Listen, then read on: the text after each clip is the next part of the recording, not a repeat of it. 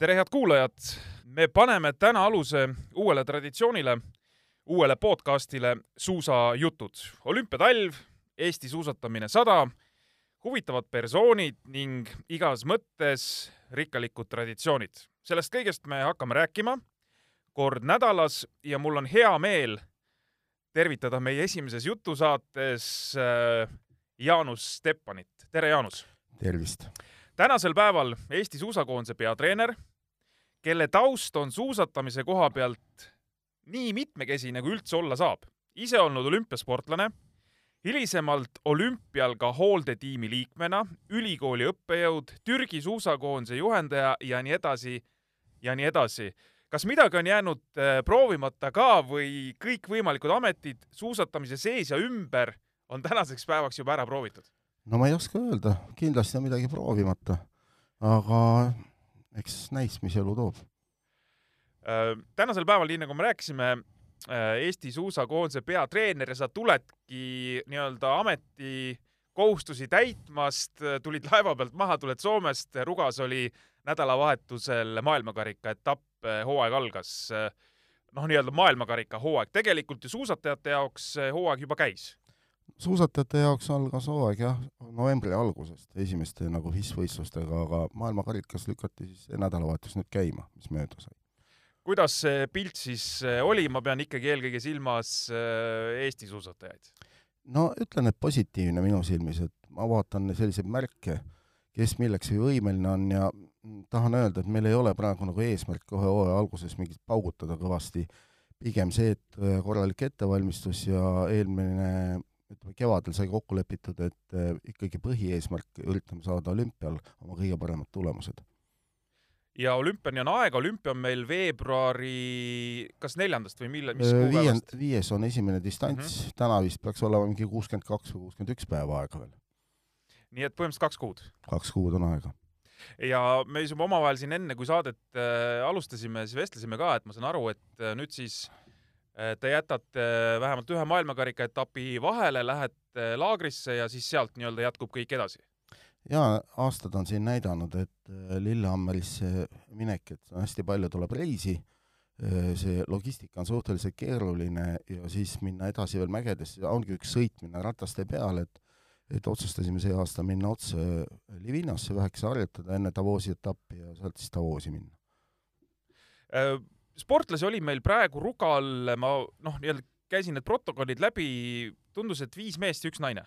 viis meest ja üks naine, jah. kas see on üldse nii-öelda võimalik meil peale panna või tegelikult me oleks võinud neid äh, sportlasi rohkem saada sinna peale veel? no tegelikult oleks me äh, võinud peale panna, meestel on viis maailmakarika kohta, naistel on kolm.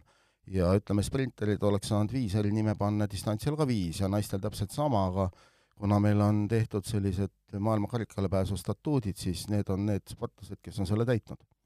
kui palju meil tänasel päeval on suusatajaid, ma pean silmas just murdmaasuusatajaid, kes noh, ikkagi on nii- nii-öelda sellise sihiga, et tahaks maailmakarikal võistelda, tahaks äh, võimalikult kõrgele jõuda ja, ja ütleme siis ka noh, teistpidi, et kes äh, treenerite arvates on juba valmis, et nad võiks selles konkurentsis kaasa teha. No ma arvan, neid suusatajaid on kuskil tosina jagu või, või rohkem, viisteist ja, ja noh, valmidus, valmidus siin loodan, et hooaja jooksul tuleb, et äh, valmis mingi kümme kuskil. Need tingimused seal ei olnud ka vist midagi, mingi meelakkumine, ma pean silmas, et äh, külmakraade oli päris korralikult.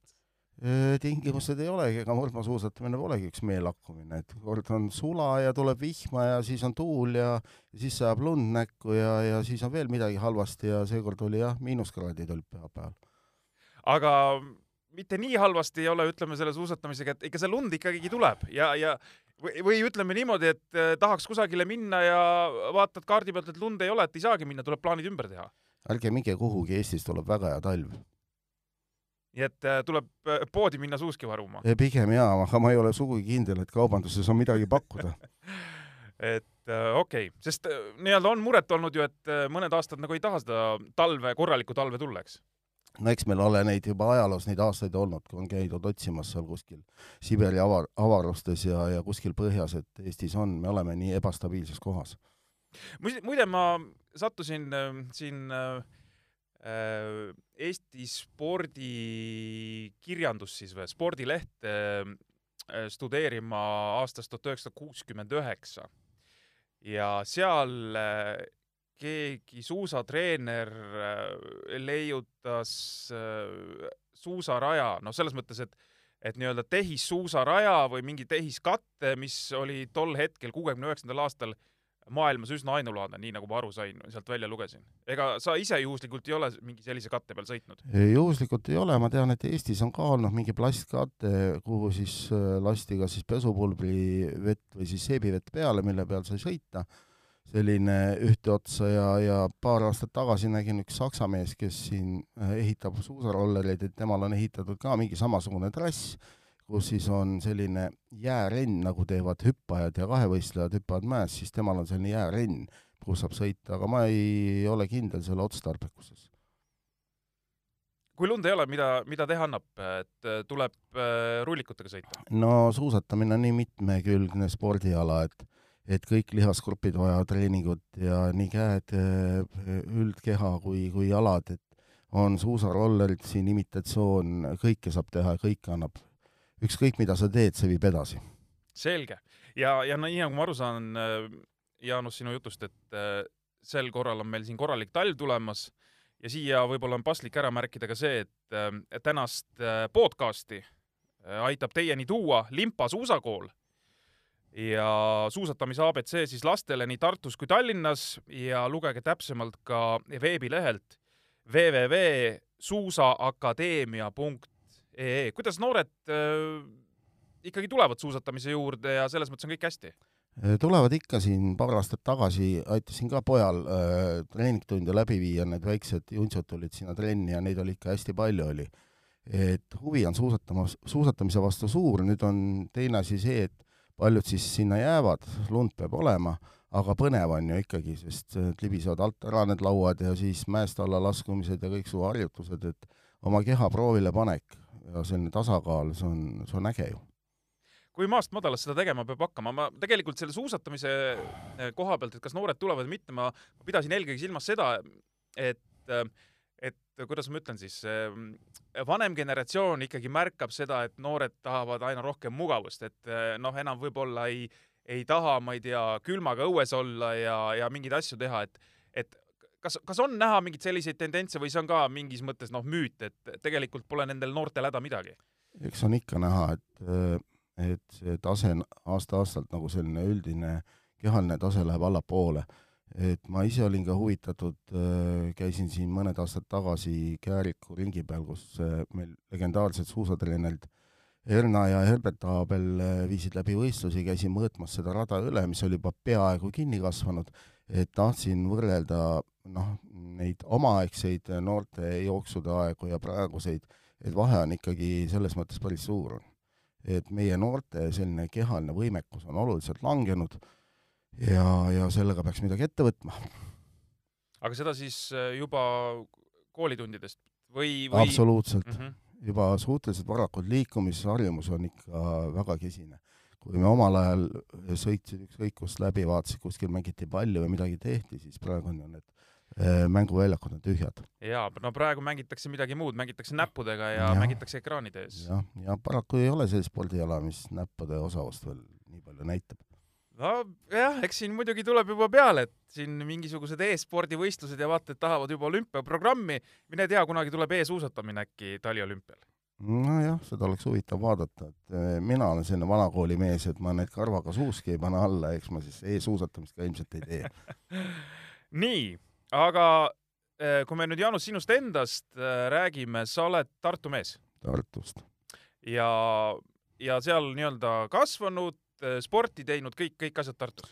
Tammelinna poiss, Tammelinnas kasvanud äh,, alustanud sealt varakult äh, sellise pallimängu ja spordiga ja ja juba enne kooli jah, veeti mind sinna jalgpallitreeningule, et jah, ma olen kokku puutunud.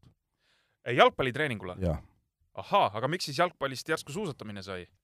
no kõigepealt eh, tahakski öelda, et jalgpall tuli niimoodi, et eh, kuna me mängisime seal oma platsi peal, siis sõitis selline legendaarne mees eh, mööda jalgrattaga nagu Mart Siliksaar, kes kunagi võttis laevas mul nööbist kinni, ütles, et Jaanus, sa pole mitte kunagi maininud mu nime, et ma olen su esimene treener olnud, siis nüüd on mul see võimalus, Mart, ja ma mainin selle ära siin ja, ja Mart pani siis nagu aluse kogu selle, ütleme, selle liigutusliku äh, potentsiaalile, kutsus meid äh, trenni, tulge Tammi, Tammal on seal meil suusa, see suusatreening, jalgpallitreening ja tulge sinna ja ja ma vist mängisin mingi kokku kuus kuni seitse aastat. päris palju? Jah, suhteliselt palju, et isegi tuli mingi Eesti nahkpallist tulime teisele kohale vist äh, Tartu selle võistkonnaga jaa, no see on siis järelikult ikkagi noh, kui sind jalgpalliväljakule panna, siis pallisurmad kenasti ära ja võtad vasaku jala peale ka ja no praegu ma ei liigutaks eriti, igasugune liigutus võib tekitada mingisuguse vigastuse, mis võtab aega aasta või kaks paranemine, et ma pigem vaataks kõrvalt. oota, aga kuidas sa ikkagi suusatamise juurde siis jõudsid sealt? Noh, siis tulid sellised äh, väiksed vaheaastad, äh, kui, kui jalgpall Äh, Mardil tulid uued huvid, et hakkas sulgpalli juurde läks ja, ja seal treenerid vahetusid ja nagu see on noortel, et kui sa oled nii kiindunud ühte treenerisse ja siis mulle tundus, et et mu areng siin jääb äh, natukese kinni, et ma ei näinud seal edasiminekut ja ja kuna mu kadunud isa käis iga laupäev äh, oma asutusega siis Käärikul sellistel Äh, suusa nädalavahetustel, siis mind veeti kaasa, ega ma lasin seal vahepeal mäest alla ja olin seal näpu seal, aga aga eks sealt väike pisik tuli, sest äh, kui koolis öö, äh, siis meil mm, kehalise kasvatuse õpetaja küsis, et et kas keegi tahab sügisel kuhugi trenni minna, siis mul esimesena lõi siis pähe, et noh, suusatada ju võiks. ja, ja sealt saigi alguse, et ma olin siis neljateistaastane et sealt sai siis alguse, et läksin siis suusatrenni ja, ja, ja sealt edasi, et. vastupidavustreeningute jaoks vist tegelikult täitsa okei okay aeg hakata neljateistkümneaastaselt äh, noh, nii-öelda tõsisemalt tegema midagi. no ma arvan, et tänapäeval, kui nüüd hakata neljateistaastane noor tahaks äh, nullist alustada, siis on äh, juba ei no nullist on hilja, jaa, nullist on hilja. jaa, aga ütleme, selline pallimängu alus seal all on väga hea, sest see annab hea koordinatsiooni ja ütleme niimoodi, et taanlaste uuring ka näitab, et need äh, jalgpallurite lihased on suhteliselt sarnased suusatajate lihas, lihastega, et, et seal on midagi jah, miks ta sobis. nii et hakkate, ütleme, kes jalgpallist kusagilt üle jääb, te võtate hea meelega suusatama? absoluutselt, absoluutselt. nii, ja, ja sellest suusatamisest tegelikult ikkagi sa jõudsid äh, väga kaugele, et äh, sinnamaani välja, et sa esindasid ka Nõukogude Liidu koondist, ehk siis tänasel päeval ütleme a la viieteistkümne riigi ühist koondist. nojah, nii oli jah. tuhat üheksasada kaheksakümmend seitse, ma, me siin ka jälle enne vestlesime Tali universiaadil, et äh, Tali universiaad tuleb ju sel aastal ka nüüd, eks äh, Šveitsis on ja see lükati edasi, nüüd vist Luzern vist on mm -hmm. detsembrikuus ongi tulemas kohe,, kohe-kohe on algamas. sina käisid seal tuhat üheksasada kaheksakümmend seitse, mitte Luzernis siis, aga Strepske Plesos. Strepske Pleso, jah. toona mitte Tšehhi, aga Tšehhoslovakkia. Tšehhoslovakkia, tänane Slovakkia täna on Slovakkia, jah ja.? ahah. nii, ja vaatan isegi, et sa oled äh, täitsa kuldmedali võitnud. see kuldmedal on sul alles ja kindlas kohas? Äh, tuli välja, et kindlas kohas vahepeal ta oli spordimuuseumis, ma olin juba ära unustanud ja siis üks hetk äh, see tagastati mulle ja siis mul tuli meelde, et issand jumal, et ma olen mingit moodi maailmameister no, üliõpilaste maailmameister, eks? Aga, aga sinna koondisesse saamine või ütleme, kogu see ikkagi noh, suur võistlus äh, sinna minek, et see on midagi sellist, äh, mis on eredalt meelde ka jäänud? no selles mõttes jaa, et mind taheti sealt äh, kõvasti nagu välja puksida. et ma näitasin seal natukese iseloomu, taheti seal hästi pikki nagu treeninglaagrit teha ja oli siis mägedes Bakurjanis mingi kuu aega ja siis ma ütlesin, vot mulle see ei sobi, et ma tahan vahepeal kodus käia ja siis hakati mind igasuguste kontrollvõistlustega, üritati välja puksida koondisest, aga paraku siis neil see ei õnnestunud. Aga see võistlus seal kohapeal, äh, kuld tuli siis teatesõidus, et äh, oli seal nagu tegu selle kulla võitmisega või, või ta tuli kuidagi no või, või ütleme niimoodi, et liidukoondis pidigi võitma? no tšehhid olid tegelikult päris tugevad seal vastas, me, eks me kogu aeg oli nagu omal ajal olid äh, liidu hokikoondisel, nad pidid ju kõike võitma, samamoodi oli ju meil, et koosolek, et noh, seal ei olnud teistmoodi teed, kuld pidi tulema koju ja see vastutuse koorem, mis nagu peale pandi, siis see ikka, pandi see nagu ikka rõhus päris hoolega. aga sõit tuli välja? no sõit tuli jah niimoodi välja, et et ma olin kolmandas vahetuses ja tegelikult ei ole, ei õnnestunud mitte kellelgi nagu edu sisse teha Tšehhide ees, et anti nagu, teade anti mulle üle täpselt koos Tšehhi koondise siis võistlejaga ja, ja siis me seal kassihiirt mängisime, et siis ma õppisin ka mõned sellised taktikalised nipid tema käest, kuidas saab teist sportlast ette lasta, aga jah, sealt ma sain väga sellise hea nipi, kui eh, kus on võimalik üllatada nagu raja peal, et kui sa mõtled, et siin ma nüüd puhkan ja, ja ootan ja siis valmistun lõputõusudeks, siis tegelikult meid üllatati ja siis käis külm higi, jooksis mööda selga ja võtsid kõik oma jõu ja energia kokku, et staadionile tulime jälle koos. Äh, see on umbes kolmkümmend neli aastat tagasi, ma ei hakkagi arvutama. et mis suusaga tollal sõideti? ikka plastiksuusaga. ikka plastiksuusaga ikka, juba, jah? jaa, sest plastiksuust tuli juba seitsekümmend neli Faluni MM-il tuli kasutusse. Äh, seitsekümmend neli. liidu koondisel oli mingi kindel suusk või te saite seal kuidagi, ma ei tea, kes mida kätte sai? no meil oli nagu selles mõttes äh, äh, Fischeri käest osteti suusad ja põhimõtteliselt siis toimus selline jagamine, ega keegi ei vaadanud, mis paindega või, või, või millised suusad need on, et siis lihtsalt tõsteti pakk kuhugi ja sealt jagati, et et sealt pidid ise otsima ja valima. ega, ega meil ei olnud sellist valikut nagu praegu jah. et võib-olla kokku tuli seal siis viis-kuus paari suuski, millest tegelikult siis reaalselt üks või kaks millega sai võistelda, jah mm. -hmm. kuidas see hoolde taustatiim kõik oli toona?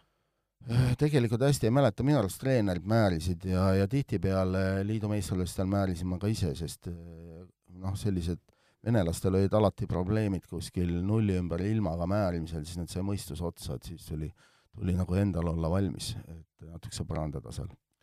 õnnestus ennast eh, totaalselt kinni ka määrida? noh, Eh, seda kõik kuskil on õnnestunud, ikka Mm. iga aasta peab ükskord ära olema, et ebaõnnestumine ja, ja, ja siis jääb meelde. jah, siis jääb väga hästi vist meelde isegi, eks. No kui see ebaõnnestumine tuleb Tartu maratonil, vot siis jääb eriti hästi veel meelde. mida pikem distants, seda paremini meelde jääb vist. ja, ja no nüüd ma määrin rohkem neid, kes sõidavad, et aitan ja siis, kui see ebaõnnestub, siis on nat-, natukese paha tunne.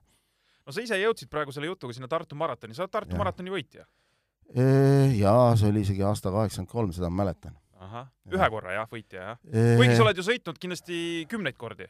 No ega mul ei õnnestunud väga palju sõita, sest ma enamus aega olin ära seal kuskil Venemaa avarustes, täpselt samal ajal olid liidu meistrivõistlused, et ma olin kaheksakümmend, tegelikult see oli hästi huvitav, et eh, esimene võistlus ma olin kahekümne esimene, siis ma olin kaksteist ja siis olin esimene.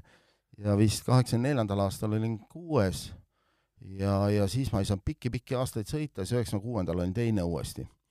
Siis oli juba ta World Lopeti sarjas Võõrlopeti sarjas oligi, et Håkan Westin võitis ja natukese seal enne finišit taktikalises heitluses jäime nagu rootslastele alla, et et lasime seal neil mängida selle Håkanile kätte võidu.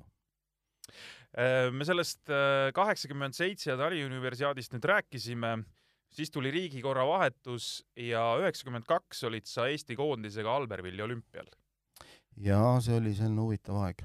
kas, kas üheksakümmend kaks, üheksakümmend neli, kui sa olümpial olid, kas sa olid siis sportlasena nii-öelda oma parimas eas või, või see oli varem juba ära või, või kuidas see tundmus oli? no kindlasti mitte, ma arvan, et oma selline kõrg tipp, tipptase oli siis kuskil kaheksakümmend kuus, kaheksakümmend seitse ja siis me läksime või ma võtsin nagu eesmärgiks need äh, Kalgari äh, olümpiamängud kaheksakümmend kaheksa, siis tuli totaalne ületreening, mida, mille nagu haavu ma lakkusin õige mitu aastat. Ja sealt edasi läks selline noh, öeldakse Ameerika mägede peal sõitmine ja natukese oli tervis seal ära maha raspeldatud, aga, aga tuli sõita küll jah, üheksakümmend üks Vaasa Lopetil viies ja, ja ja ega seal olümpialgi väga pahasti ei läinud selles mõttes, et noh, oma sõidu nagu tegin ära, ehkki ma tundsin, et et midagi veel oli, kuhu oleks võinud veel jõuda, aga kindlasti mitte sinna kirkasse tippu. sa mainisid Kalgari olümpiat kaheksakümmend kaheksa, sellest universiaadi koondisest mõni mees teil ju olümpial käis, eks jah? kui ma ei eksi, jaa, meil käis Sergei Nikitin äkki pääses sisse ja ja ma ei tea, kas Vida Ventsiene oli tookord koondises seal universiaadil, mm -hmm. et Vida tuli veel olümpiavõitjaks, noh nüüd, siis ta oli Moginite, aga, aga praegu ta on Ventsiene, jah. nii et ütleme, need, kes ikkagi käisid ka universiaadil, ega seal noh, ikkagi ütleme enam-vähem liidukoondise tase? no enam-vähem ja me olime selline, ütleme seal kuus meest eest ära, siis olid need, kes seal taga, aga no iga päev võis, võis seal siis keegi tulla ja, ja seal asendada esimest. no tänasel päeval on maru hea rääkida, et noh, ma ei tea, olid liidukoondisega universiaadil, siis tuli iseseisvus Eesti riigi eest olümpial. tegelikult olid maru keerulised ajad.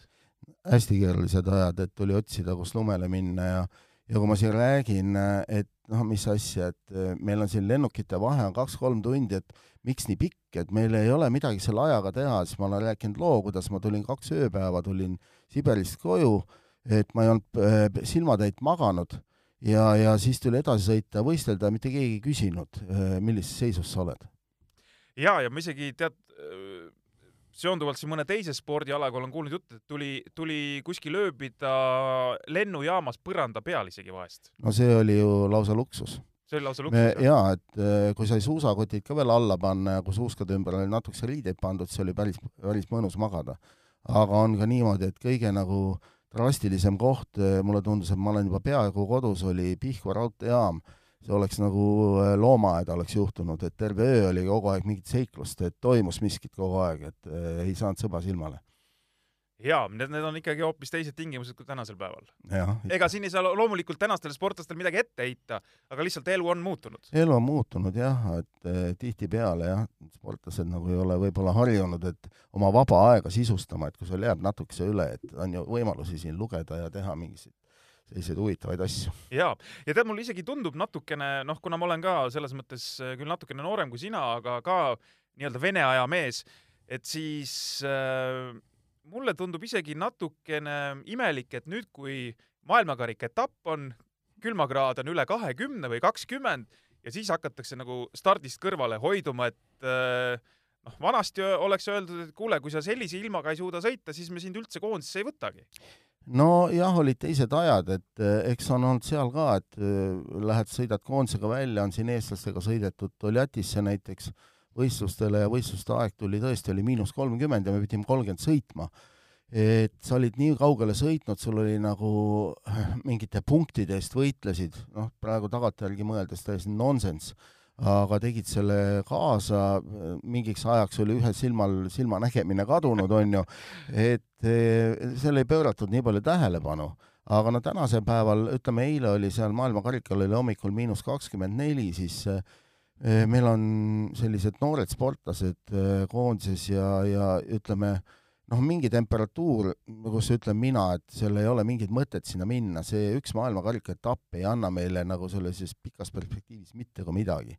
Võitu, et äh, seda enam, et seisund on äh, kuskil seal kohad tulevad võib-olla viiskümmend, kuuskümmend, kui seal äh, need sportlased, kes võitlevad maailmakarika nagu üldvõidu eest, et noh, nemad lähevad välja, et see on nagu teine teema, aga aga niimoodi paar päeva järjest võistelda, see tõmbab energia tühjaks, sest me eelmine aasta oli Vokati maailmameistrivõistlused juunioridele, terve nädal oli külmas ja peale seda siis sõitsime Oberstdorfi, need sportlased olid tühjad seal ei olnud mitte midagi enam võtta. no Norra meestekoondis loobuski ka tervenisti viimasel päeval starti tulemast, eks ju? täiesti loogiline. naised olid, aga mehed loobusid? jah, no naised ongi alati sitkemad olnud, et äh, teen kummarduse nende ees. nii, kui me, kui me nüüd veel korra sellest koondisest äh, räägime, siis ma kusagilt lugesin või mul jäi silma, et sa oled välja öelnud, et ideaalis võiks tekkida selline kuus pluss kuus koondis, äh, et kellega siis noh, nii-öelda pika sihiga tööd teha. No see jah, see on selline kollektiiv tekib, aga kui teda ei teki, siis seda ei teki, ega seda vägisi nagu kokku panna ei saa, kui ei ole sellised motiveeritud sportlased, selline vägisi nagu ei hoia koos, aga aga see on selline, kus tekib selline sünergia, et sellised, ütleme, selline suurus on täpselt paras, nagu midagi koos teha, ütleme seal nii suve ettevalmistuses, talve ettevalmistuses, aga kui ei ole, ega seal midagi teha ka ei ole. see suur siht võiks tänasel päeval olla siis olümpia kaks tuhat kakskümmend kuus? absoluutselt, jah et see on, ütleme, sinna on nüüd viis aastat aega, et sellega jõuaks äh, järgmisele tasemele? ma usun, kindlasti jõuab, et praegu siin näha, et siis materjali on, mis on toores, vajab nagu küpsetamist ja, ja, ja, ja aega vajab. ega see ei võta, et meil ei ole, meil ei kasva selliseid talente, et kohe siin võtad ja lõikad ja kohe ta läheb, võtab need võidud ära, et kui ma eile lappasin natukese läbi neid äh, aasta kaks tuhat üheksa olid noorte olümpia tulemused, noh huvi pärast, kuna ma viimane aasta, kui ma Türgis töötasin, vaatasin, kuidas mu oma sportlased esinesid ja, ja siis jäi silm peale, et Ivo Niskanen oli seal alles kümnendal kohal, kaotas esimesele seal üle minuti kõvasti, aga eile ta võitis maailmakarika, noh, palju aega on siis mööda läinud sellest, mõtleme päris palju mööda läinud, muidugi Ivo on juba siin ka varasemalt tulemusi näidanud, aga, aga ikkagi, eks. ikkagi jah ja., et, et ei alga nagu kohe, kohe tuled ja hakkad võitma, et see see vajab tööd.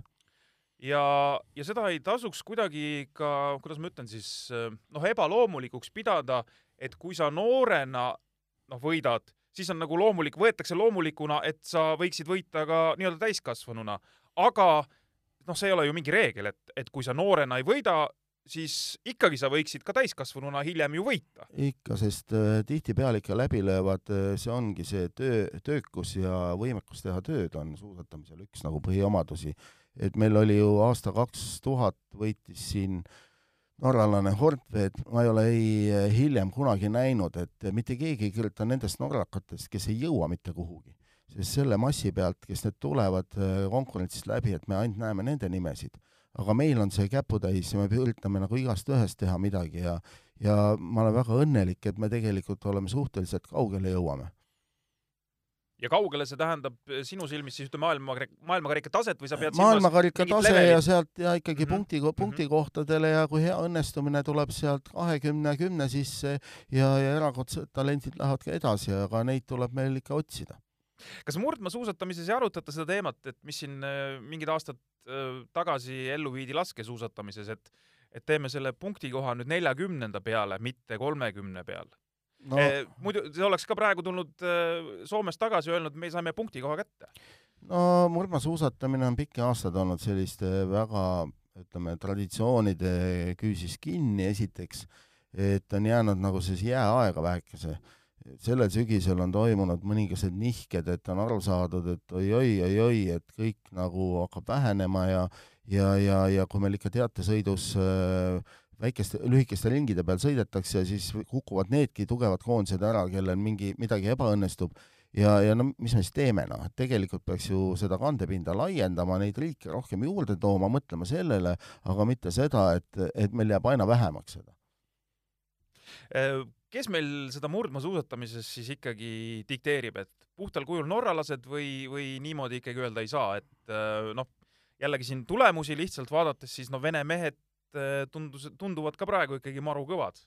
Vene mehed ongi kõvad, eh, eilegi veel oli seal, ma küll ta nime ei tea, see Soome koondise peatreener, kes oli seitsmekümnendate lõpus, kaheksakümnendate alguses, seal äh, ajasid selle Vene koondise pea, peatreeneriga seal juttu, et et tunnustas, et talle meeldib Vene mentaliteet, just see ettevalmistus, et et iga asja peale ei viriseta väga. no see, see vist seal ei saagi muud moodi olla, see, see vist käib kuidagi selle kultuuri juurde ikkagi neil selleks. no nada fede. just, just. aga ikkagi norralased on A ja O eh, hetkel küll jah, dikteerivad, aga mina ei istu seal eh, kuskil FIS-i nagu eh, kontoris või koridorides, et kes neid niite tõmbab. Aga noh, tihtipeale jääb tunne küll, et, et nad hoiavad seda juhtohja. kas treener, nii nagu sa praegu oled kusagil raja ääres, Äh, vahest jääb nagu mõtisklema või unistama ka, et vaatab äh, mingit äh, noh, ma ei tea, siis ütleme, vaatad Bolšnovi, vaatad seal Kläbot, keda, kedagi veel, vot saaks sellist meest ise ka treenida või, või selliseid mõtteid seal nagu pähe ei tule? Ei, otseselt ei tule, et eile oli probleem, et soes endal sees hoida ja siis vaatasin, kuidas Martin sõidab, et eh, mida tal võiks nagu veel paremini teha ja, ja kus kohas seal miskit nagu, mida ta võib-olla taktikaliselt ei teinud õigesti, et need mõtted pigem ja, ja vaatad, kuidas ta laskumisel tuleb ja, ja kõik need sellised asjad. kõikidel nendel sportlastel, kes on maailmakarika etapil käivad, kas neil on oma isiklikud treenerid ka seal või seal on, ütleme, ainult ikkagi siis koondise treener? No seal on koondise treenerid, aga praegu on FIS tulnud äh, sellise mm, idee, mõttega välja, et äh, FIS Family, et sa saad panna maailmakarikatele kirja, keda sa soovid, sportlane soovib, et ta tuleks sinna, siis ta saab vabapääsmed. et saab tulla kas oma äh, isiklik treener või siis vanemad saavad tulla vaatama, et vabapääsmega äh, murdmaasuusatajatel iseenesest kõik vajalik on olemas, saate laagrites käia, saate võistlustel käia või äh, piisavalt on nii-öelda seda abipersonali või kuidas sellega on? no kunagi ei ole piisavalt, aga ma arvan, et eh, tänasel päeval eh, me saame hakkama. see hakkamasaamine tähendab seda, et, et on nii-öelda tagatud mingid, mingisugused asjad, mille pealt siis nii-öelda tulemust tõsta, ma saan aru? jah, tagatud, et ei läheks allapoole pigem, et eks meil oleks vaja loomulikult spetsialiste sinna pikemat aega juurde, ütleme seal füsiot, et see on episoodiline, eks meil on noh, sellised võimaluste piires peame nagu tegutsema. meil loodi siin mingi aeg tagasi või hõigati nüüd kõlava häälega välja Team Estonia, mis siis Eesti tippsporti nii-öelda peaks edasi viima kõvasti, et kuidas suusatajatel selle Team Estoniaga on? no ma arvan, et väga hästi on, et äh, tänud Olümpiakomiteele, et meil on sel aastal nagu laagrite ettevalmistus äh, selles suuremas osas tulnud sealt, et me oleme saanud nagu tagada sportlastele ettevalmistuse ja ja, ja loodame, et see siis kannab vilja mis sihid äh, Pekingi olümpiamängudega on, et me korra juba seda, selles mõttes seda teemat puudutasime, et sa ütlesid, et et noh, tegelikult selle hooaja siht justkui ongi ja, ja suur eesmärk, aga aga see tähendab mingi arvu sportlaste väljaviimist, see tähendab mingisuguse tulemuse saavutamist, mida see tähendab? Ei, siin mingit arvu sportlaste väljaviimist, see mäng mängiti juba eelmine aasta ära, et äh, need kohad on välja mängitud, nüüd me saame lihtsalt oodata veel, et mõni riik mingist kohast loobub ja, ja annab ära, et siis meil on võib-olla võimalik mõni sportlane juurde sinna saada, aga hetkel on meil välja minemas kolm meest, neli naist ja loodame väga, et neljanda mehekoha ka saame juurde. et siis saaks ka teatesõitudes osaleda? jaa, see on selline riskibusiness, et kui keegi peaks seal haigeks jääma, midagi noh, probleeme, siis me välja panna ei saa. jah, et sellist nii-öelda tagavara tagavara varianti ei ole, jah äh, kui palju te nendest oludest seal teate, et mis, mis rajad seal, asjad? no kuna mu oma poeg oli seal äh, kolm aastat treenerina töötas, siis siis mul on olemas äh, tema kõik kaudu, no kõik info otseselt ei ole, et tema kaudu on see videopilt seal, milline rada välja näeb, kuna ma olen pikki aastaid ise tegelenud äh, kaardi, kaarditööga ja, ja, ja mul on olemas GPS andmed ja ma olen selle raja sealt kõik äh, reljeefid välja juba enda jaoks printinud ja me oleme ka imiteerinud seda mm, neid kõrgusi, olles Bulgaaria laagris äh, täpselt sama kõrguse peal, täpselt sama nurga peal nagu trenne teed, et meil nagu üllatust ei tohiks tekkida. Küll on seal see, et need ilmastikuolud on miinus kaheksast kuni miinus kaheksateistkümneni sellel perioodil. Lumi on kunstlumi ja hästi kuiv ja pidid olema hästi kõvad tuuled, need vahur ütles, et kui lähed laskumisse, siis eriti ei tasu oodata, et sa puhata saad, sest tuul on vastu. et tuleb hirmus, hirmus kõvasti nagu tööd teha seal Bulgaaria laager kõlab muidugi huvitavalt, et kas see on mingi vana nostalgia või tänasel päeval käiakse ka Bulgaaria laagris? ei, see ei ole nostalgia, et tegelikult on see üks, äh, mina arvan, et üks parimaid kohti selles mõttes kõrguse koha pealt, kus efekt on nagu kõige parem. et seal käivad väga paljud orienteerujad, laskesuusatajad, äh, sõudjad, harjutajad, et on olemas äh, need võimalused Eh, eks ta ole seal natukese jah, väsinud, näeb see asi kõik välja, et ei ole sellisel tasemel nagu meil, aga aga kõik võimalused on nagu olemas. Türgi koondise peatreener kaks tuhat kuus kuni kaks tuhat üheksa, eks? just. Mis nendest sportlastest tänasel päeval on saanud või ütleme, et äh, palju neid sportlasi üldse oli, keda noh, sa nii-öelda treenisid seal või? Äh, neid oli omajagu, eks ma esimene aasta tegelesin sellega, et äh, saaksin, äh, tegin selgeks, kes nad üldse on ja kuidas, kuidas nad sinna on sattunud ja, ja siis tegin seal sellise väikse korramajja, et et siis sportlased said tulemuse järgi ikka koondisse. Aga need sportlased, kes nüüd seal viimased aastad olid, et ma peaks ütlema, et paljud on jäänud suusatamise juurde. Eh, kui me kuhugi võistlustele läheme, neid näen, vahepeal nad võtavad ühendust mul kas siis on siis Messengeris, Facebookis, Whatsappis, eh, küsivad nõu, vahepeal isegi tüütult palju nõu, mida ma ei saa neile anda, ma olen neile selgeks teinud, et et on teatud asjad, mida, mida ei saa teha, aga mul on hästi hea meel ja kui ma olen Türgis käinud, siis siis on, kõik on hästi rõõmsad, tulevad, kallistavad ja, ja mõni seal äh, mõni tuleb, ütleb, et Benim Baba, et minu isa tuli, et, et see on selline hästi liigutavad hetked. aga Türgi suusatamine on jälle jätkuvalt elus? jätkuvalt elus, suvel aitasin äh, neile laagrit äh, korraldada Otepääle, sest nad tahtsid tulla, augustikuus nad osalesid ka siin maailmakarikaetapil, mõned osalesid ja hästi toredad sportlased olid, aga mul on väga kahju, et äh, et nendel on vist riigi praegu selline finantsseis, et see mm, on need öö, nii kehvas seisus, et nad ei saa kuskil käia, sest need sportlased eelmine aasta juunioride U kakskümmend kolm MM-il jätsid mulle väga hea mulje. kas annaks äh, veel noh, suusatamise mõistes eksootilisemasse äh, paika treeneri, treeneriks minna? kindlasti annab, on ju Keenia ja sellised kohad või, või praegu teevad ju kõvasti ilma, teevad Tai sportlased. et nendel on äh, Läti poolt siin tehtud väike siis selline eksporditud rullsuusatamine, rullsuusatamise, seal on hästi popp, on ühes Tai linnas, ma nüüd peast ei oska öelda, aga aga sealt on mõned sportlased, neil on isegi äkki olümpiale kokku vist kaks naiste kohta ja vist üks meeste koht. Nii et nad on selle välja sõitnud, need punktidega ja, ja täiesti arvestatavalt nagu suusatavad.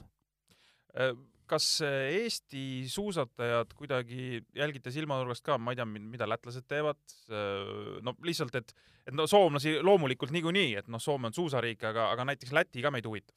Ja ikka vaatame selles mõttes, et äh, me abistame praegu siin Raimond Svigantsit, kes käib meil Aivariga siis koos meestega koos ja ongi meiega koos käib ja, ja me jagasime nüüdki hoolderuumi, kuna meil oli äh, palutud FIS-i käest, et kahte hoolderuumi, aga nad andsid ikkagi ühe, sest neil oli e, suur kitsikus, siis me jagasime lätlastega noh, seda sportlaste jaoks, kus nad said riietuda sest eh, on täiesti mõeldamatu, et sportlased riietuvad samas ruumis, kus tehakse suuski. seal ei ole esiteks ruumi ja teiseks see õhk ei, ei kõlba seal hingata. absoluutselt, jah. Aga nii, et ühesõnaga suhtlete ja saate hästi läbi? suhtleme, saame hästi läbi ja aitame. suusapere saab üldse hästi läbi või, või suusapere on noh, ütleme siin, kui lugeda mingeid sõnumeid Venemaalt norralaste suunas ja lugeda Norrast tulevaid sõnumeid venelaste suunas, siis tundub, et kõik päris omavahel läbi ei saa ma ei oska seda kommenteerida, eks see on ikkagi, see on nagu poliitikutelgi, et äh, loed ju seda, kuidas omavahel äh, tuli äh,, tulistatakse kogu aeg, visatakse midagi, aga siis istuvad maha ja saavad kõik omavahel läbi, et ei ole, et äh, mulle tundus küll väga sõbralik, et kõigiga teretad ja, ja, ja kõigiga saad hästi läbi. mis see järgmine suur revolutsioon äh, suusatamises võiks võiks olla, et jätame võib-olla need, noh, ma ei tea, kui kusagil on need ilmamured või, või need lumemured jätame kõrvale, aga et suusatamises endas annab midagi väga kardinaalselt muuta, ma ei tea, distantsid äh,, suusad, varustus, mis iganes? no ma ei ole jah nii võib-olla selline oraakel, kes oskab öelda, mis nüüd juhtub siin kolme-nelja aasta pärast, aga ma arvan, et äh, distantsid lähevad lühemaks, siin ei ole nagu äh, eriti valikut äh, peab minema põnevamaks äh, just pealtvaataja jaoks, et need tulevad äh, rohkem staadioni, saab olema sellist suusakrossi moodi ja, ja kindlasti on noh, nüüd see aasta ka katsetatakse siis mm, kuidas see on siis kombineeritud mees-naine, mees-naine, ütleme lühikest, et rohkem riike saaks panna peale, sest paljudel ongi ainult kaks naist ja võib-olla seal kolm meest, et nad saavad ka tulla teadet sõitma, et see läheb nagu põnevamaks. Ja no mis ma siis tehn-, tehnoloogia koha pealt, ma arvan midagi, et äh, pigem äh, meie plastiku, ütleme, sellise areng võiks olla, et äh, tekivad seal mingisugused uued materjalid või mingi soojusjuhtimisega, et see suuskade, ütleme seal veekile, no mis iganes, teadustöö selle edasi viib jälle, et, et kellelgi on mingi parem materjal, mis, mis noh, kannab nagu kaugemale, see libisemisomadusi annab ikkagi natukese võib-olla veel parandada. aga, aga ütleme selle mat-, noh, selle pulbrite osas, mis alla pannakse, ma arvan, seal on, on praegu nagu sein ees. et, et samm tuleb tagasi, et tuleb nagu sellise rohelisema pöörde poole, et sealt praegu ma ei näe, et tuleb, aga pigem on jah, mingi varustuse poolelt, et kas on siis kepid väga palju juurde ei anna, et pigem suusamaterjalid võiks anda juurde. ja võib-olla noh, ma ei tea, ma lihtsalt selle, mis ma kuulsin praegu sinu käest, et, et võib-olla tulevikus ongi, tõmbad, ma ei tea, sellele suusale mingisuguse katte alla vastavalt ilmale ja siis ei ole mingit määrimist ega midagi ei olegi enam, et see kõik on juba seal mingi kile või mingi asja küljes. no noh, ma, ma arvaks, et võiks olla mingi materjal mingi lumega kokku puutudes või, või, või kuidagi ta on selline kameeleoni moodi, et, et siis lihtsalt tekib, et ta võtab, kas siis läheb jahedamaks või, või soojemaks ja siis on kogu aeg selline hea, selline optimaalne libisemis, libisemisolud on seal nagu, et see veekile tekkimine või see vee ärajuhtimine, no seal on veel jaa, mingi suuskadele sellise käsimustri või see struktuurid nimetatakse nende areng võib ka veel edasi minna kuigi palju, jah. nii et siin fantaseerida annab küll? annab ikka, jah. Äh, muide, neid hooldemehi äh, neid hoolde, noh, tiime seal, et seal, seal eestlasi liigub ikka maru palju vist, eks ju? eestlasi liigub palju jah, et ma ei julgeks ju praegu hakata lugema, et kus koondised äkki ma eksin ja siis keegi solvub. ütleme, on väheseid koondisi, kus Eesti hooldemehi ei ole või? jaa, igas hooldemehes võid leida ühe eestlase. hooldetiimis, igas hooldetiimis jah, paragrahvi jah, nagu Hemingway ütles, et igas sadamas võid leida eestlase, siis hooldetiimis samamoodi, jah. aga mille, mida, mida see näitab, et mis see tähendab, et kas meil on siis mingis mõttes on mingi äh, teadmine mingis vallas on nii suur või? ma arvan, et eestlased teevad hästi tööd korralikult, see on üks kindlasti, et on põhjalikud ja, ja, ja noh, neid võib usaldada. usaldada, et ei määri sind kinni? jaa, et tähendab seda, ütleme ei määri kinni ja, ja, ja noh, ta jõuab teha, ta ei, ta ei jonni võib-olla või, või ma ei ütleks seda, et aga lihtsalt eestlane teeb tööd hästi see on selline töö, mis nõuab natukese eh, kogemust ja, ja, ja sellist eh, teadmisi ja, ja, ja, ja noh, oskusi ja see, see on meil olemas. Äh, kui me nüüd korraks läheme veel sinu enda suusatamiste juurde tagasi, siis ma lihtsalt tekkis paralleel, kui me nüüd noh, sa rääkisid, et mis siin võiks tulla, distantsid lühemaks ja vaatemängulisem ja võib-olla mingit suusakrossi ka veel, et maratonimehel tänasel päeval maailmakarikasarjas aina raskem et selles mõttes, et, et no ei, ei ole enam midagi sõita. no need rajad on rasked, nad on toodud siia grupis seal koos sõidavad. noh, üritatakse igasugu vahefinišitega siin neid tempot lõhkuda, anda mingeid punkte neile ja aga see on nagu maailmakarikasarjas, et olümpiamängudel sellist asja teha ei saa. et jääb ikka tavaliselt, jääb ikkagi selle lõpu peale, noh, sest rajad on ikka juba nii rasked, et järgmine äh, järgmine tase oleks juba, et annad neile kaasa mingisuguse alpinismi varustuse, et saab kiiresti üles ja siis ma ei tea, kuidagi alla, kuidagi alla ka, jah kuidagi alla ka. et sa ise lõpetasid ikkagi ju selgelt äh, maratonimehena, eks? jaa, ma lõpetasin World Opetiimina. jaa, et seal alla, ma ei tea, alla neljakümne, alla viiekümne ei olnudki mingit sõite?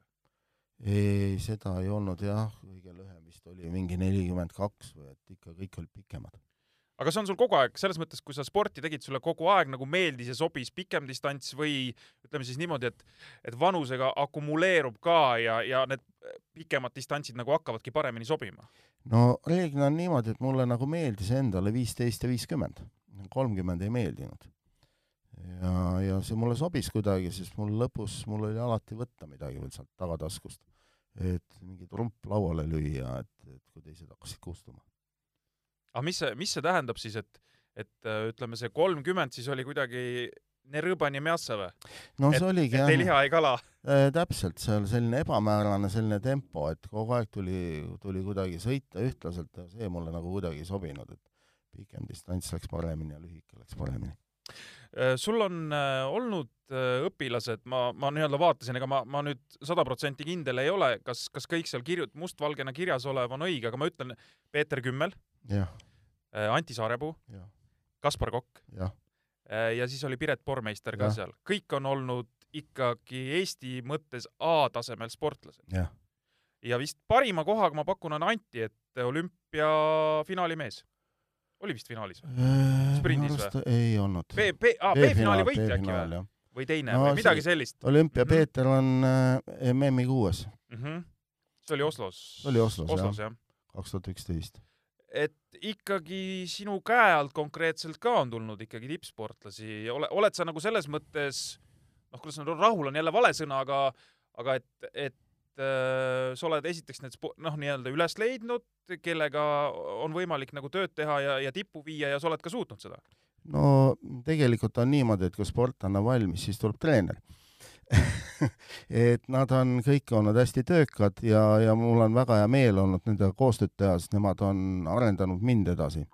selles mõttes, mul on alati vedanud, mul on tulnud andekad sportlasi, olen, olen nagu saanud oma gruppi, et kellega nagu tööd teha. Ja, ja tõesti on nagu lust, et seal ma ei, ma ei pidanud väga palju midagi, nagu ütlen, pigem pidurdama neid sportlasi, sest neil oli hirmus tahe nagu teha. kas mõni kes oli andekas, ütleme kas või siis füüsiliste näitajate poolest, tundus, et sealt, ma ei tea, võib mida iganes tulla, on, on jäänud mingil põhjusel ka tulemata, et, et on, on kõrvale läinud? No see on iga treeneri mure või, või kui ta alustab üldse treenimist, ta näeb, et on hästi andekad sportlased, kes võiks midagi teha ja siis mingil hetkel järsku nad lõpetavad, ehk mul oli täpselt samamoodi, et et lendasid kohe esikümnesse, mõtlesin, mis nüüd edasi tuleb ja samas järgmine aasta olid nad lõpetanud, aga aga tulemused lõpuks tegid need, kes olid eh, pikaajaliselt ja, ja tegid seda järjekindlalt, järjekindlalt tegid seda, käisid treeningul ja tegid tõsist tööd ja, ja nägid vaeva treener hakkab muretsema siis ka, et huvitav, miks need õpilased mu juurest ära läksid või, või selles mõttes mitte ära läksid või miks nad sportimise jätsid või, või seal ei saa nüüd üle mõelda ka, et, et see on minu viga või, või milles? ei üle mõelda kindlasti ei saa, sest äh, noored ongi püsimatud ja kui ta on andekas, siis ta on tegelikult igal alal andekas, siis ta üritab äh, läbi lüüa kuskil, kus on, kus on rohkem tähelepanu, näiteks on pallimängud, on seal, sul näed, et ta on hästi andekas igal alal nagu ja siis ta, siis ta püüab ühte, teise ja siis teised treenerid püüavad ka teda nagu üle tõmmata ja ja seal ei olegi midagi nagu teha, et, et sa võid ka kätel käia, teed neid samu asju, aga aga lõppkokkuvõttes määrab ikkagi tema enda nagu sisemine motivatsioon ega sul ei ole näidet näiteks, et sul on keegi treeningul käinud ja kes hiljem on mõnel teisel spordialal päris kaugele jõudnud? Ma niimoodi ei oska oma treeningutest, aga ma tean, et äh, ma oskan oma treeningkaaslasest küll öelda, et äh, noorteklassist oli mul treeningpartner Aivar Sarski ja kes läks siis üle kergejõustikku ja. tegi, tegi väga kõvasti, jooksis äh, takistusi. suusatajad vist reeglina jooksevadki kõvasti või? no reeglina peaks jooksma jah, selles mõttes, et suusatamine nõuab, et sellist hapniku tarbimine peab olema hästi kõrgel tasemel ja ja jooks on üks asi, mis näitab nagu seda võimekust. Äh, kui palju te üldse noh, jälgite igasuguseid numbreid, äh, et noh, seesama see hapniku tarbimine ja, ja muud asjad kõik sinna, et, et äh, ma ei tea, su, su, sul on hästi suur kogemus, sa lükkad mingid tabelid lahti, sul on, ma ei tea, aastakümneid sportlaste andmed olemas, erinevate sportlaste siis, ja vaatad, et oi-oi, nende parameetritega võiks jõuda väga kaugele? no ikka vaatad, sest me käime see aastagi nüüd, oleme kolm-neli korda käinud äh, testimas äh, Tartu Ülikooli juures ja nüüd tüdrukud äh, veel sellel nädalal, homme lähevad veel, vaatame, kus meil hetkeseisund on, et kas meil on mingisugune võime on hakanud natukese alla käima ja, ja, ja natukesed saab veel selles, peentuuningut nagu teha, et et väike ülevaade, sest üks on selline visuaalne pool ja teine on see, mis sa saad nagu kätte sealt äh, analüüsist. Ja, ja paned need numbrid kokku, sest äh, see treeningtöö, mis sa teinud oled ja, ja tihtipeale sa ei näe ära, millal see väsimus tuleb või, või, või kuidas need asjad on, ikka mingi mõtiskluse aine on kogu aeg olemas ja, ja, ja siis äh, ütleme, on teatud sportlasi, kellel see hapniku tarbimine ei saagi kuidagimoodi kõrgemaks minna, siis tuleb olla tihtipeale aus ja öelda ära, et jah, siin on need piirid, aga reeglina noh, sportlased tunnevad juba ise ära, kus need piirid on. no ma olen äh, siin äh, ütleme siis teadlastega rääkinud ja küsinud, et et noh, ta nüüd näeb ka mingisuguseid andmeid, äh, sportlane tuleb tema juurde mingeid teste tegema ja et noh, et kuidas siis näha, et kas ta nüüd võiks kusagile tippu jõuda või mitte. ja tegelikult päris huvitav vastus oli minu jaoks see, et kui ta ei näe otseselt mingisugust pidurit, et, ähm, et mingi näitaja oleks nii madal, et noh, mis nii-öelda kõik lõhub ära, et kõik ülejäänud võib sul olla väga ilus, aga üks on mingi selline, et noh, ongi näha, et mingi pidur täiesti kohe pidurdab peal, et, et siis selle sportlasega on keeruline, aga kui ei ole, ma ei tea, sul mingisugust ülihead näitajat, aga sul ei ole ka otseselt ühtegi pidurit, et siis tegelikult on kõik päris hästi.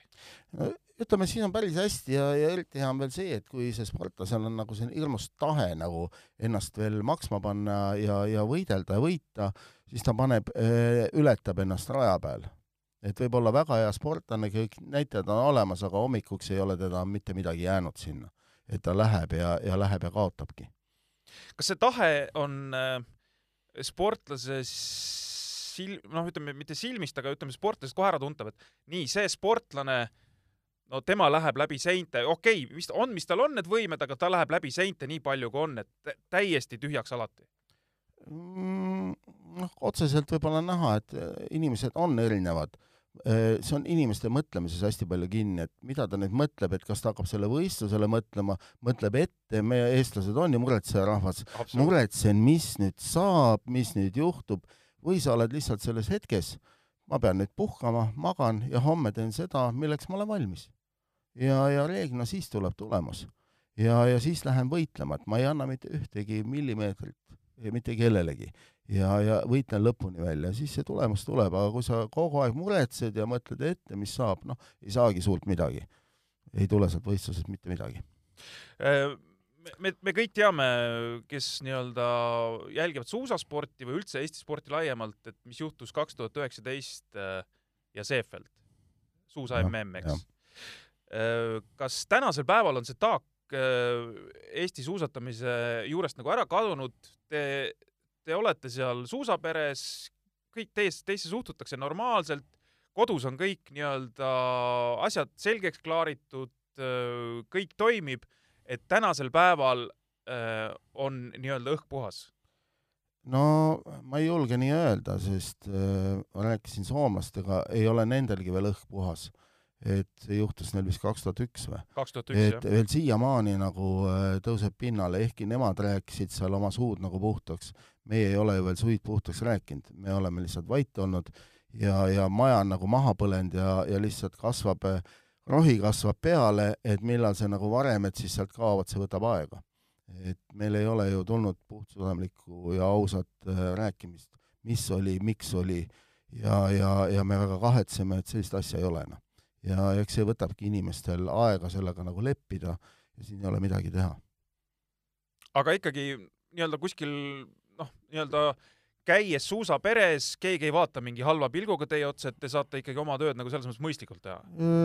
mul ei ole nagu sellega midagi, et mina olen nagu selle ukse sulgenud seal ja see jääb minust nagu sinna teiste, teiste pärusmaaks ja me tegeleme sellega nende noortega, kes tänapäeval on, aga see on nende probleem, kuidas nad lahendavad Äh, sportlasi, kui sa jällegi noh, väga kogenud äh, treenerina ja üldse nii-öelda suusatamise sees oleva inimesena vaatad, kas see kogu see juhtum kuidagi neid äh, nii-öelda tänasel päeval neid nooremaid sportlasi, kes tulevad, ka kuidagi ma ei tea, riivas või, või puudutas või jättis mingi jälje või, või ütleme noh, noor inimene, ta noh, ei mõtle selles mõttes selle peale nüüd liiga dramaatiliselt? No ma arvan, et, äh, et see, me oleme üldse üks suur energia, on ju, ja kui aastal üheksakümmend neli Estonia läks äh, põhja, et see mõjutas meid kõiki. Ja see mõjutas pikki aastaid, sama on, sama on see, seesama asi mõjutas meid ka kõiki, aga, aga lihtsalt ma arvan, et neid noori nii palju ei mõjuta kui nende lapsevanemate kaudu võib-olla, sest nendel on nagu kuidagi see veel küljes ja, ja annab edasi, aga ma usun, et mitte enam nii palju. Ja tihtipeale noorte käest küsid siin, nad ei tea isegi enam, kes on Kristiina Šmigun.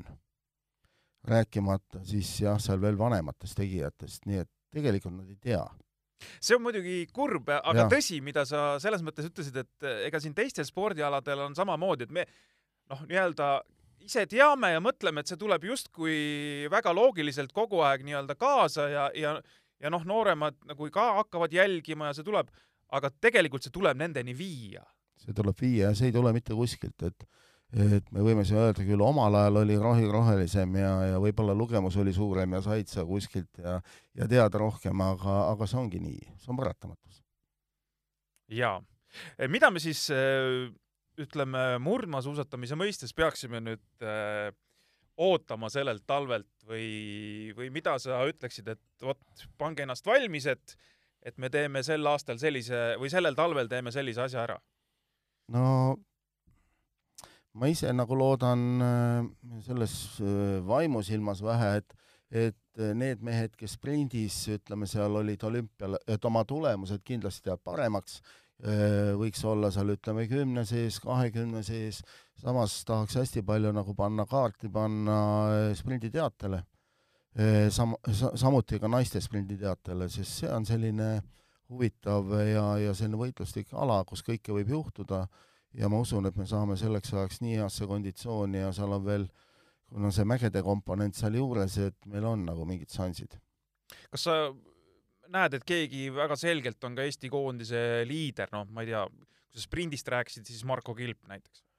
no Markol äh, see talv on selline, kuidas ütles nagu Nüganen, fifty-sixty, et kuna sõidetakse, sõidetakse nii kõrgel, see on üks, teine on see, et see ei ole tema lemmiksprindi tehnika.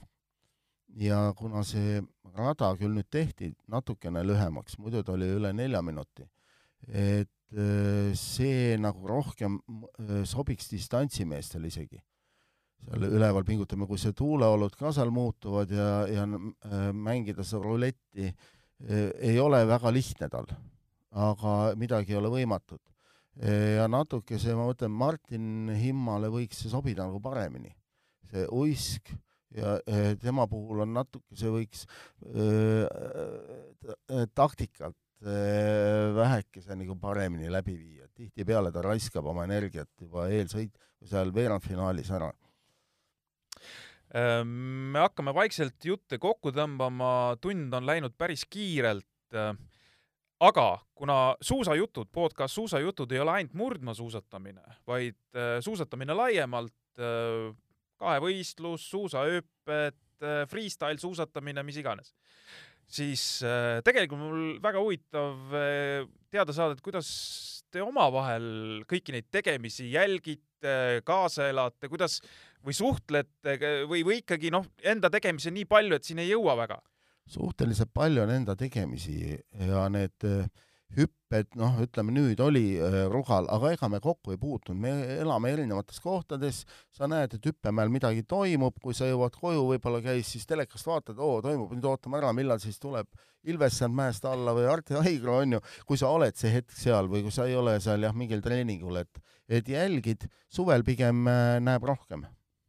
Ettevalmistaval perioodil. ettevalmistaval perioodil näeb rohkem võib-olla isegi, jah.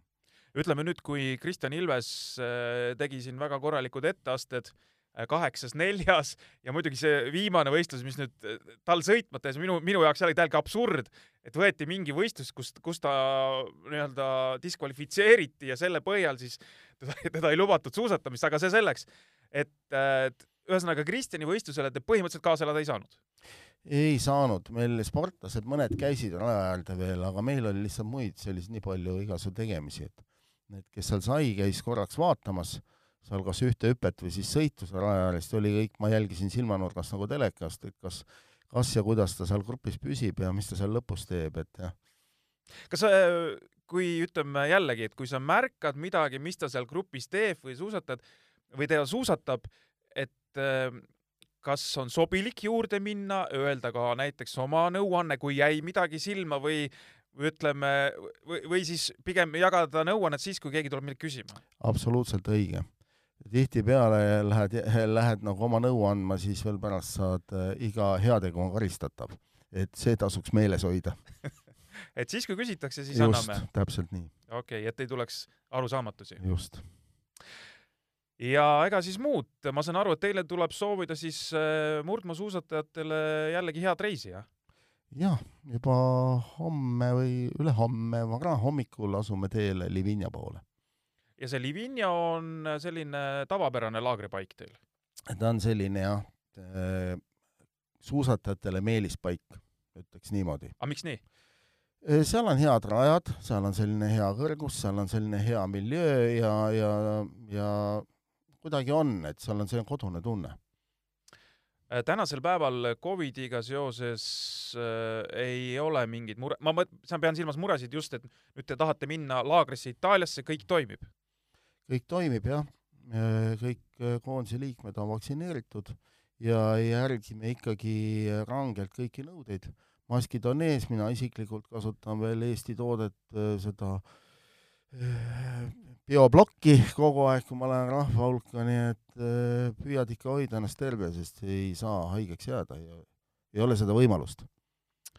ja kui olete Livinas kohapeal, siis murdmaasuusataja mäe otsa mäesuusatama ei tohi minna või tohib? Äh, no hooaja sel perioodil eh, mitte nii ohtlik ja kui sa ise ka midagi ei tee, siis kõrval, kõrvalt keegi võib sulle sõita sisse, ei ole vaja otsida neid äh, mõttetuid vigastusi ja kui sa oled näinud nii palju äh, vaeva, aega seal kuus, kaheksa, kümme aastat selle nimel ja siis teed ühe rumala liigutusega, tõmbad kriipsu peale. ja no eks meil neid puraanisõite siin varem on olnud küll. noh, igasuguseid katsetusi on tehtud jah aitäh stuudiosse tulemast, Jaanus Teppan, soovin suusatajatele kordaminekuid ja edu.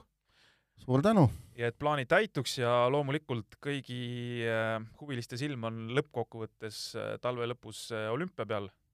olümpia peal ja kõigile, kes saadet kuulasid, siis registreerige kiiresti ennast Tartu maratonile, siis me saame samal ajal nii olümpia kui Tartu maraton, et saame siis mõõtu võtta ja, ja kusjuures ju Tartu maratoni starti lükatakse edasi seoses kas see oli naiste mingi kolmkümmend kilomeetrit, et täpselt samal ajal, sest kuna nüüd rahvusvahelise sarja Tartu maraton jällegi kuulub, et seal telepildid, need ei kattuks kõik. ja Wisma Classic saadakse. ja, ja. no nii, nii et oleme suure spordiga seotud igatepidi. aitäh veel kord, aitäh kuulamast kõigile ja suusajutud on siis eetris nüüd äh, igal nädalal kõike head!